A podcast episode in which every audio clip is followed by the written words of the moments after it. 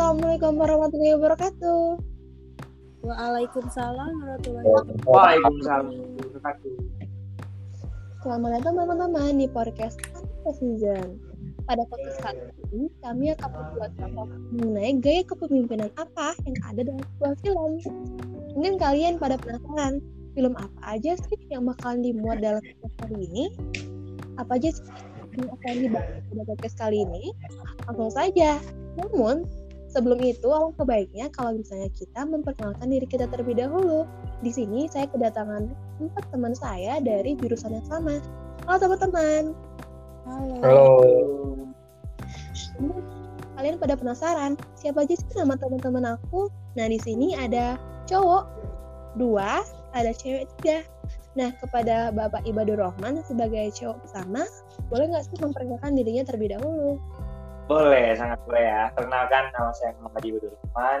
Eh, di sini saya menonton film Mandela Ulang Waktu Freedom Eh, dan NIM saya itu 01 FI 03043. Terima kasih Bapak Ibad. Sini ada juga cowok yang kedua, yaitu Aldi. Kepada Aldi, boleh dong memperkenalkan dirinya film apa sih yang kamu angkat? Halo teman-teman, eh, perkenalkan nama saya Aldi Rahmat Wijaya, NIM 201FI 03042. Nah, pada kali ini saya mendapat tugas untuk menonton film yang berjudul Wibob Azu. Oke, di sini ada lagi yang namanya Aldifa sebagai cowok Halo. Halo teman-teman, perkenalkan nama saya Aldi Paramadani Sakari dengan NIM 201 FI 03044. Di sini saya menonton film Now You See Me 1 dirilis tahun 2013. Terima kasih Aldifa. Terus ada teman yang terakhir, namanya siapa? Halo semua, perkenalkan nama saya Winnie Dwi Wiranti dengan NIM 201 FI 03041. Nah, di sini saya nonton film Nine Summers, Ten Autumns. Terima kasih teman-teman. Nah, mungkin sebelum itu kalian juga penasaran, siapa sih nama aku yang dari tadi mempertanyakan nama teman-teman aku? Nah, nama aku Tiara Rosa, NIM aku 201 FI 05045. Aku menonton film mengenai eh, dengan judul Post Carter yang dirilis tahun 2005. Nah, mungkin kalian kan udah tahu apa aja sih film-film yang ditonton oleh teman-teman aku. Nah, sebelum itu, aku mau tahu apa sih hasil resume yang kalian dapatin dari film-film tersebut. Mungkin bisa berbagi dengan teman-teman sekalian. Aku mau tanya Aldi terlebih dahulu. Aldi, apa sih resume film yang kamu dapat? Eh, baik, eh, Tiara, eh, eh, tentang resume film yang saya tonton itu tentang seorang ayah tunggal yang istrinya telah lama meninggal. Jadi eh, dia te- telah menjadi single single se- semenjak istrinya meninggal dan harus mengurus kedua anaknya. Dia ber- berprofesi sebagai seorang wartawan eh, surat kabar yang mengharuskan ia untuk berpetualangan ke berbagai tempat dan dan tak mau dan tak mau harus meninggalkan dua buah hatinya. Eh, jadi gitu dan dia selanjutnya itu eh, mencari eh, berhenti dari pekerjaannya dan lebih memilih untuk merawat eh, kedua putrinya. Aldi, Aldi aku mau nanya boleh nggak? Iya boleh. Nih, dari film tersebut apa sih gaya kepemimpinan yang digunakan? Eh, jadi gini Div, eh, gaya kepemim- kepemimpinan yang digunakan oleh tokoh dalam film tersebut itu kepem- gaya kepemimpinannya adalah otoriter. Kenapa? Karena ia memegang kendali penuh anggotanya. Tidak boleh anggotanya tidak boleh melakukan tindakan tanpa seizin dia. Contohnya pada film tersebut ada seekor harimau yang sudah tua harus disuntik mati oleh anggotanya tapi tidak diizinkan oleh tokoh tersebut. Hmm, Kalau teorinya apa tuh, Di? Apa? Kalau teorinya apa, Di? Teori yang digunakan dalam film tersebut. Mungkin Teori. individual ya dia. Lebih Iya. individual ya. Untuk kelebihan dari gaya kepemimpinan tersebut apa tuh dia yang digunakan? Apa kan tadi gaya kepemimpinan Otoriter ya? Iya. Kelebihannya apa Oh, tuh? jadi eh, kelebihan gaya kepemimpinan otoriter itu eh, dapat mengambil keputusan dengan tepat Eh, karena eh, gaya kepemimpinan otoriter bersifat satu arah saja. memiliki sifat tegas, tidak akan menegur karya- karyawannya jika melakukan kesalahan yang terjadi. Jadi lebih mudah melakukan pengawasan di lapangan kerja, memberikan dorongan, motivasi dan produktivitas secara spesifik gitu. Oke, Aldi. Terus untuk Winnie mau tanya nggak?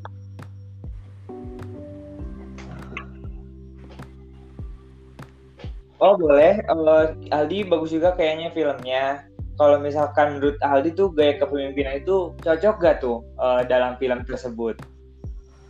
Oh, cocok ya. Eh, jadi gini, Bat, Eh, menurut saya kan, kalau di film tersebut gaya kepemimpinannya tidak cocok. Kenapa? Karena tokoh utamanya sebelum eh, sebelum sebelumnya tidak mempunyai pengalaman dalam pekerjaan tersebut, yaitu mengurus kebun binatang, sedangkan anggotanya sudah mempunyai peng- banyak pengalaman tentang mengurus kebun binatang tersebut. Gitu. Jadi dia tidak boleh mengambil keputusan sendiri, sedangkan dia tidak mempunyai pengalaman. Gitu. Aldi, Aldi, kalau ke gaya, ini kalau kekurangan dari gaya kepemimpinan tersebut apa sih, Di? Nah, untuk kela- kekurangannya eh, kan ada kelebihan pasti ada kekurangan juga kan. Nah, jadi kekurangannya menghadirkan suasana yang kaku karena adanya sifat keras dari pemimpin atau Hmm. dari tokoh tersebut.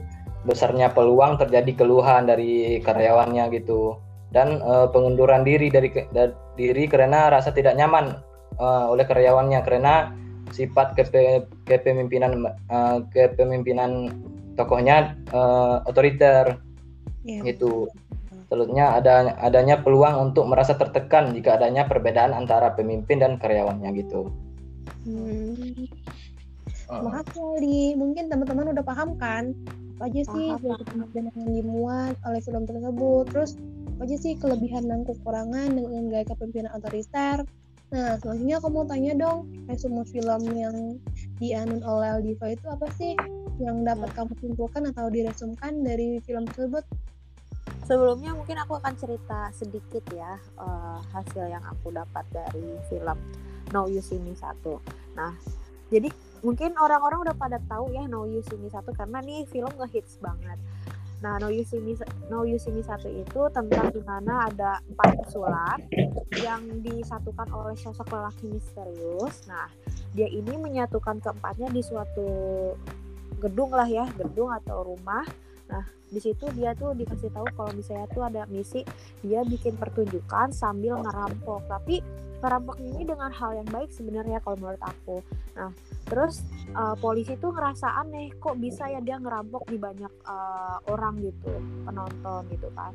Nah polisi akhirnya ngejar ngejar si keempat perampok tersebut. Nah nah polisi ini bernama Dailan. Nah si Dailan ini uh, ngeinterogasi terus kayak kayak gitulah ya. Tapi dia juga nggak bisa uh, ada bukti kalau misalnya si pesulap itu ngerampok.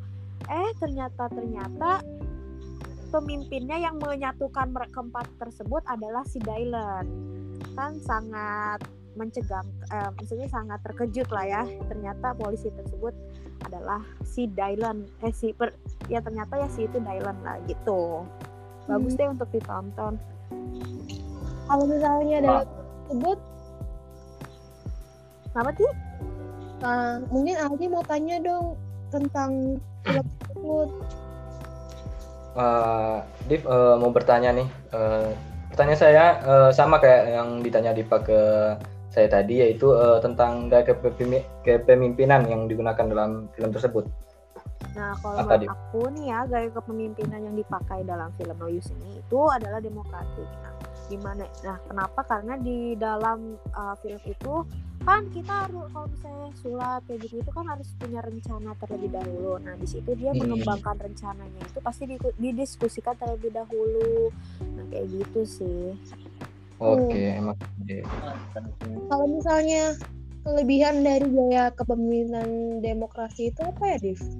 Kalau kelebihannya sih eh, di mana para pemimpin dan anggota ini mempunyai hubungan yang harmonis, terus dia nggak kaku, terus dia juga nggak ada batasan dalam berha- eh, hal berdiskusi. Jadi kayak misalnya nih eh, kamu berpendapat seperti ini diterima, terus orang yang lain diterima kayak gitu sih. Hmm. Kalau kelemahan gaya kepemimpin- kepemimpinannya gimana, Div? Untuk kelemahan ya, kalau Ya. kelemahan atau kekurangan sih dia uh, sebagai pemimpin kan pasti sulit ya untuk menentukan uh, kan yang aku bilang tadi ya uh, pemimpin itu menerima masukan dari berbagai anggotanya. Nah, sebagai pemimpin pasti sulit lah untuk menerima keputusan mana nih yang bagus, mana nih yang bagus karena kan ada ego masing-masing ya. Ih punya gue pendapat gue bagus gitu kan, pendapat gue juga bagus. Jadinya kayak ih nanti pemimpinnya misalnya milih salah satu dari mereka terus bilang ih kok milih yang itu kan jadi ya ego lah gitu ya itu sih yang bikin kelemahannya jadi ada konflik lah dari hal tersebut gitu. Terus mungkin bapak ibu Rohid mau tanya oh iya kalau misalkan kepemimpinan demokratik itu dalam film tersebut cocok gak di kira-kira menurut Diva kalau buat aku sih cocok aja ya. Di sini uh, sudah tepat lah untuk diterapkan dalam film tersebut. Gitu hmm. sih. Hmm. karena uh, pemimpin di situ harus bisa menentukan berbagai hal untuk kepentingan bersama. Terus mereka juga uh, bisa menentukan siapa ta tanpa menentukan gitu si, uh, siapa nih pemimpinnya ternyata pemimpinnya itu si polisi tersebut si Dylan gitu sih. Hmm. karena kan sifat ya sifat kepemimpinan dalam demokrasi kan uh, harus bisa menentukan dan mengarahkan kayak gitu sih. Yeah betul betul betul, betul. mungkin teman-teman udah paham belum? Apa sih? Oh udah. Hmm gitu dong kalian nggak kepo apa yang aku dapat dari film aku Ih kepo banget sih, aku pengen nanya. Apa tuh gitu film kan? apa sih? Coba dong, sih jelasin resume dari film yang kamu dapat. Iya jadi kan aku kan nonton film Coach Carter. Nah, film ini bercerita ada suara ada seorang pelatih basket atau coach basket namanya itu Ken Carter. Dia tuh punya kayak suatu hal yang harus dia dapetin kalau apabila dia tuh melatih seseorang. Nah, di sini ada beberapa anak yang dia latih yang harus menandatangani kontrak terlebih dahulu. Karena kenapa? Karena dia punya prinsip yang mana kalau seseorang setelah menandatangani kontrak tersebut harus terwujud si tujuan dari kontrak tersebut. Nah, dengan kepemimpinan yang ada dalam uh, toko tersebut terwujudlah suatu keberhasilan dan kemenangan untuk anggota-anggota timnya walaupun ada banyak tantangan dan suatu hal yang mungkin tidak bisa mereka lewati tapi akhirnya terlewati gitu. Oh gitu ya Ti. Nah betul. Ti, uh, mau tanya nih Ti, tentang ya. sama tentang gaya kepemimpinan yang dipakai dalam film tersebut. Nah, jadi kan dari resume yang aku dapat, aku tahu gaya kepemimpinan apa sih yang ada di film tersebut. Jadi aku menyimpulkan bahwasanya film tersebut membuat suatu gaya kepemimpinan oleh Ken Carter ini adalah gaya kepemimpinan otoriter sama kayak film Ali tadi yang oh. mana si tokoh ini mendominan keputusannya dan kebijakannya harus diikuti oleh bawahannya atau anak didiknya tadi gitu Aldi. Oh. Ti kalau misalnya gaya kele eh, kelebihan dari gaya kepemimpinan tersebut apa sih Ti? Oh, mungkin kelebihannya hampir sama dengan Aldi tadi, yang mana kan kalau misalnya kelebihan dan kekurangan pasti ada kan dalam setiap gaya kepemimpinan, yang mana kalau misalnya kelebihan dari gaya tersebut dapat yang mana kalau kita sebagai pengambil keputusan itu dapat cepat. Misalnya kan ada suatu masalah kita yang memutuskannya tanpa mendengarkan pendapat orang lain dengan pendapat kita sendiri kan bakalan cepat tuh. Apa sih kebutuhan yang akan kita dap yang akan kita terapin gitu terus memang sih karena kan uh, keputusan yang kita ambil itu satu arah kan nah terus juga kan kita tuh kalau misalnya gaya kepemimpinannya otoriter kita memiliki sifat sifat yang tegas dan tidak segan menegur karyawan ataupun di sini anak muridnya tadi. Terus juga lebih mudah melakukan pengawasan dalam lapangan kerja atau dalam pelatihan gitu, Div. Oh, oke okay, Tiara. Ya. Kalau kelemahan kepemimpinannya gimana, Ti? Nah, di sini kan kalau gaya kepemimpinan otoriter kan bakal ada satu persatu. Nah, yang mana di sini bisa menghadirkan suasana yang kaku. Misalnya misalnya ada dapat hukuman kan ada orang yang melanggar kontrak di kontrak yang ditetapkan oleh coachnya akan dapat push up gitu. Terus adanya besarnya peluang untuk terjadi keluhan. Sama dalam film tersebut ada konflik di mana pada saat uh, mereka tidak memenuhi kontrak nah lapangan basketnya dikunci tuh padahal lagi uh, masa-masa jadi para orang tua nah di situ mengeluh kepada si coachnya tadi itu kelebihan atau kekurangan yang ada. Oh, berarti gaya kepemimpinannya itu otoriter ya? Menurut Iya, uh. Ti- uh, Tiara, kalau otoriter itu bagus nggak buat uh, film Tiara itu? Kalau menurut aku sih bagus karena eh, anak-anak kan masih memiliki im- apa namanya jiwa yang naik turun naik turun gitu kan masih sering terpengaruh oleh zaman. Nah di mana dengan kekuatan atau gaya otoriter yang dimiliki oleh pemain tersebut ataupun tokoh tersebut bisa sesuai dengan tujuan yang ingin capai dan juga bisa membuat anak-anak tersebut disiplin banget gitu. Oh, seru juga ya. Iya. Kalian kan udah tahu, udah paham nggak sama penjelasan aku? Paham. Paham dong. Paham. Nah, di sini kan masih ada sisa dua orang lagi tuh. Nah, gimana kalau misalnya kita mendengarkan dulu resume film dari Ibadur Rahman? Ah, boleh, boleh. Kalau resume film dari saya itu adalah Mandela. Dari eh, jadi di Mandela itu ada di Afrika. Dia itu seorang tokoh utama yang eh, apa ya? Dia itu di sana tuh ada perbedaan antara ras kulit putih dan kulit hitam. Jadi yang kulit hitam itu dikucilkan dan ada perbedaan geografis. Jadi ketika kulit hitam itu akan berpergian, mereka tuh harus em, harus membawa kartu identitas, sedangkan kulit putih itu tidak. Dan mereka itu eh, mendapatkan eh, perlakuan rasis dari yang kulit putih. Dan mereka sampai dikatakan kafir, disebut kafir oleh eh, ras kulit putih. Jadi si eh, Mandela ini sebagai pengacara waktu itu ada eh, ada di peradilan dia sebagai pengacara. Di situ tuh dia memberikan penjelasan dan akhirnya si pelapor itu tidak mau datang ke pengadilan lagi karena pengacaranya itu adalah ras kulit hitam seperti itu sih jadi dia yang apa yang mendapatkan perlakuan rasis dari ras kulit putih Oh, gitu ya, Bang. Tentang rasis Oh. berarti ya, Bat ya? iya rasis di sana tuh Oh, kayaknya seru tuh bat eh, filmnya. Eh, boleh tahu nggak eh, gaya kepemimpinan yang ada di film tersebut? oh iya seru banget sih pasti filmnya seru jadi eh, gaya kepemimpinannya itu adalah demokrat demokrasi jadi di sana tuh si Mandela ini sebagai tokoh utama yang memberikan atau eh, sebuah perjuangan Mandela itu ketika itu Mandela itu eh, berada di masuk penjara 27 tahun tetapi masyarakat kulit hitam itu tetap menunggu. Jadi eh, perlakuan dia dan sikap dia itu demokrasi dan dia juga memiliki teman memiliki eh, lima sahabat yang eh, men- yang akan memberikan masukan kepada dia untuk mengambil keputusan. Gitu. Gitu. Kita kan sama nih gaya kepemimpinannya sama nih demokrasi.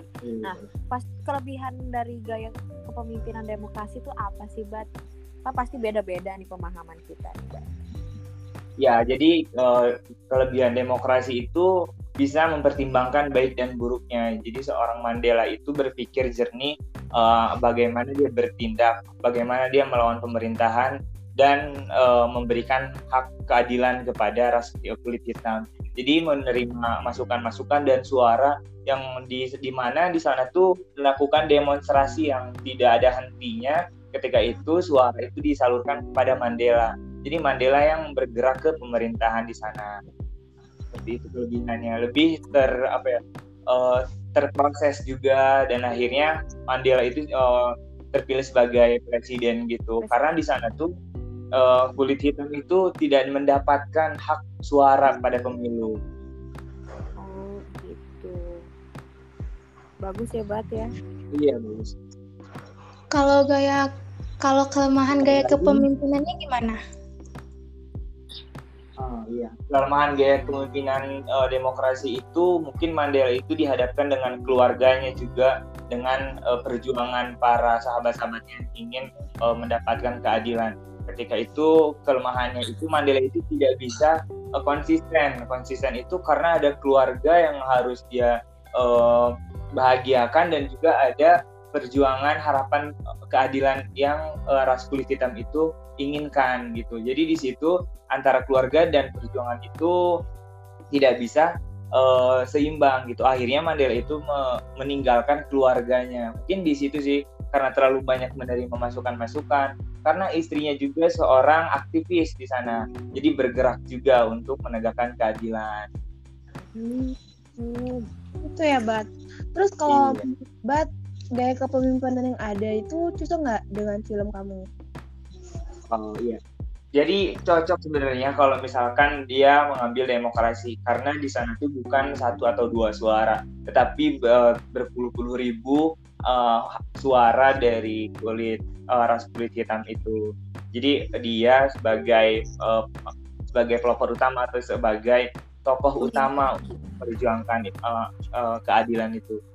Jadi kalau misalkan dia apa ya dia itu cocok demokrasi karena dia itu bisa menyalurkan dan bisa me memperjuangkan hal itu. Gitu ya, Bang. Gitu ya, seru juga ya. Mm -mm. Seru ya ya, seru. Iya, kita mau nonton ya. Iya, nanti kita nonton deh. Mungkin kalian cocok kan untuk teman kita yang terakhir ini si Windy gimana sih semua film yang dia dapetin dari film yang dia tonton? Gimana Win? Nah. nah, jadi film aku ini diadaptasi dari novel yang diangkat dari perjalanan hidup penulisnya sendiri. Nah, jadi dia itu uh, berkat kegigihannya mampu menembus batas mimpi dan sukses menjadi direktur di sebuah perusahaan ternama di Amerika Serikat. Nah, jadi ceritanya itu berlatar belakang di Kota Batu, Malang. Uh, Nine Summers, Ten Autumns ini bercerita mengenai kehidupan seorang anak supir angkot yang bernama Iwan Setiawan, yang merupakan anak laki-laki satu-satunya dari lima bersaudara. Nah, hariannya itu, Iwan sangat giat dalam menuntut ilmu. Dan dengan kecerdasannya, Iwan kemudian berhasil meraih bangku kuliah tanpa harus mengikuti ujian masuk. Tapi, ada berbagai tantangan yang berhasil ia taklukkan, baik dalam kehidupan maupun pendidikannya. Dan tantangan tersebut pun uh, menerpa Iwan menjadikan ia sosok yang lebih kuat dan optimis dalam memandang masa depannya. Dan secara perlahan, kerja keras yang selama ini ia lakukan membuahkan sukses. Sebuah kesuksesan yang bahkan mampu melebihi impian masa kecilnya untuk dapat memiliki sebuah kamar tidur sendiri. Gitu. Oh gitu. Uh, mau tanya nih, Win, Kan aku yeah. udah tahu nih banyak kepemimpinannya film Ibat, Tiara, Semaldipa. Nah, yang terakhir nih pengen tahu juga dong eh, gaya kepemimpinan yang ada di film Windy. Jadi gaya kepemimpinan yang dipakai di film tersebut yaitu otoriter. Nah, gaya otoriter ini kan bersifatnya memaksa ya.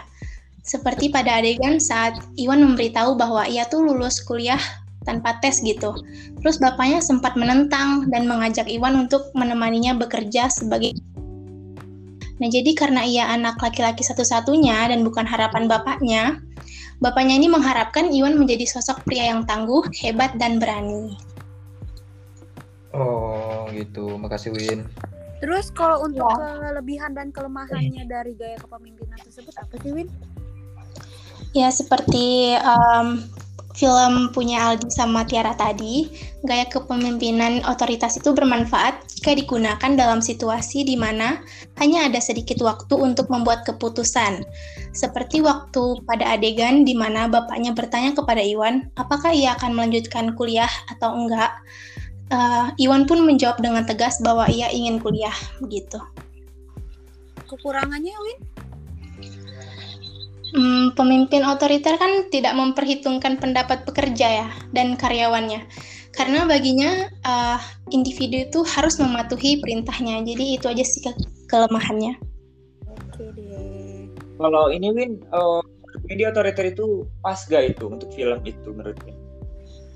Uh, kalau menurut aku sih udah pas ya, karena kan uh, mohon maaf ya keluarga yang ekonominya masih serba kekurangan itu mereka akan dituntut oleh alam untuk terus hidup. Mau nggak mau, bisa nggak bisa, mereka harus terus jalan ke depan.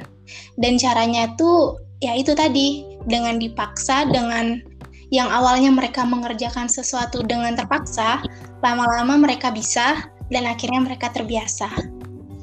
Ini keren nih, keren. Keren, keren. keren filmnya ya. Bagus banget. Kayaknya bagus film-film kita tuh bagus-bagus semua ya. Jadi nonton satu-satu nih. Mungkin uh, teman-teman kan udah berbagi film. Semoga apa yang kalian sampaikan bisa bermanfaat untuk kita semua dan bisa didengarkan oleh teman-teman di luar sana.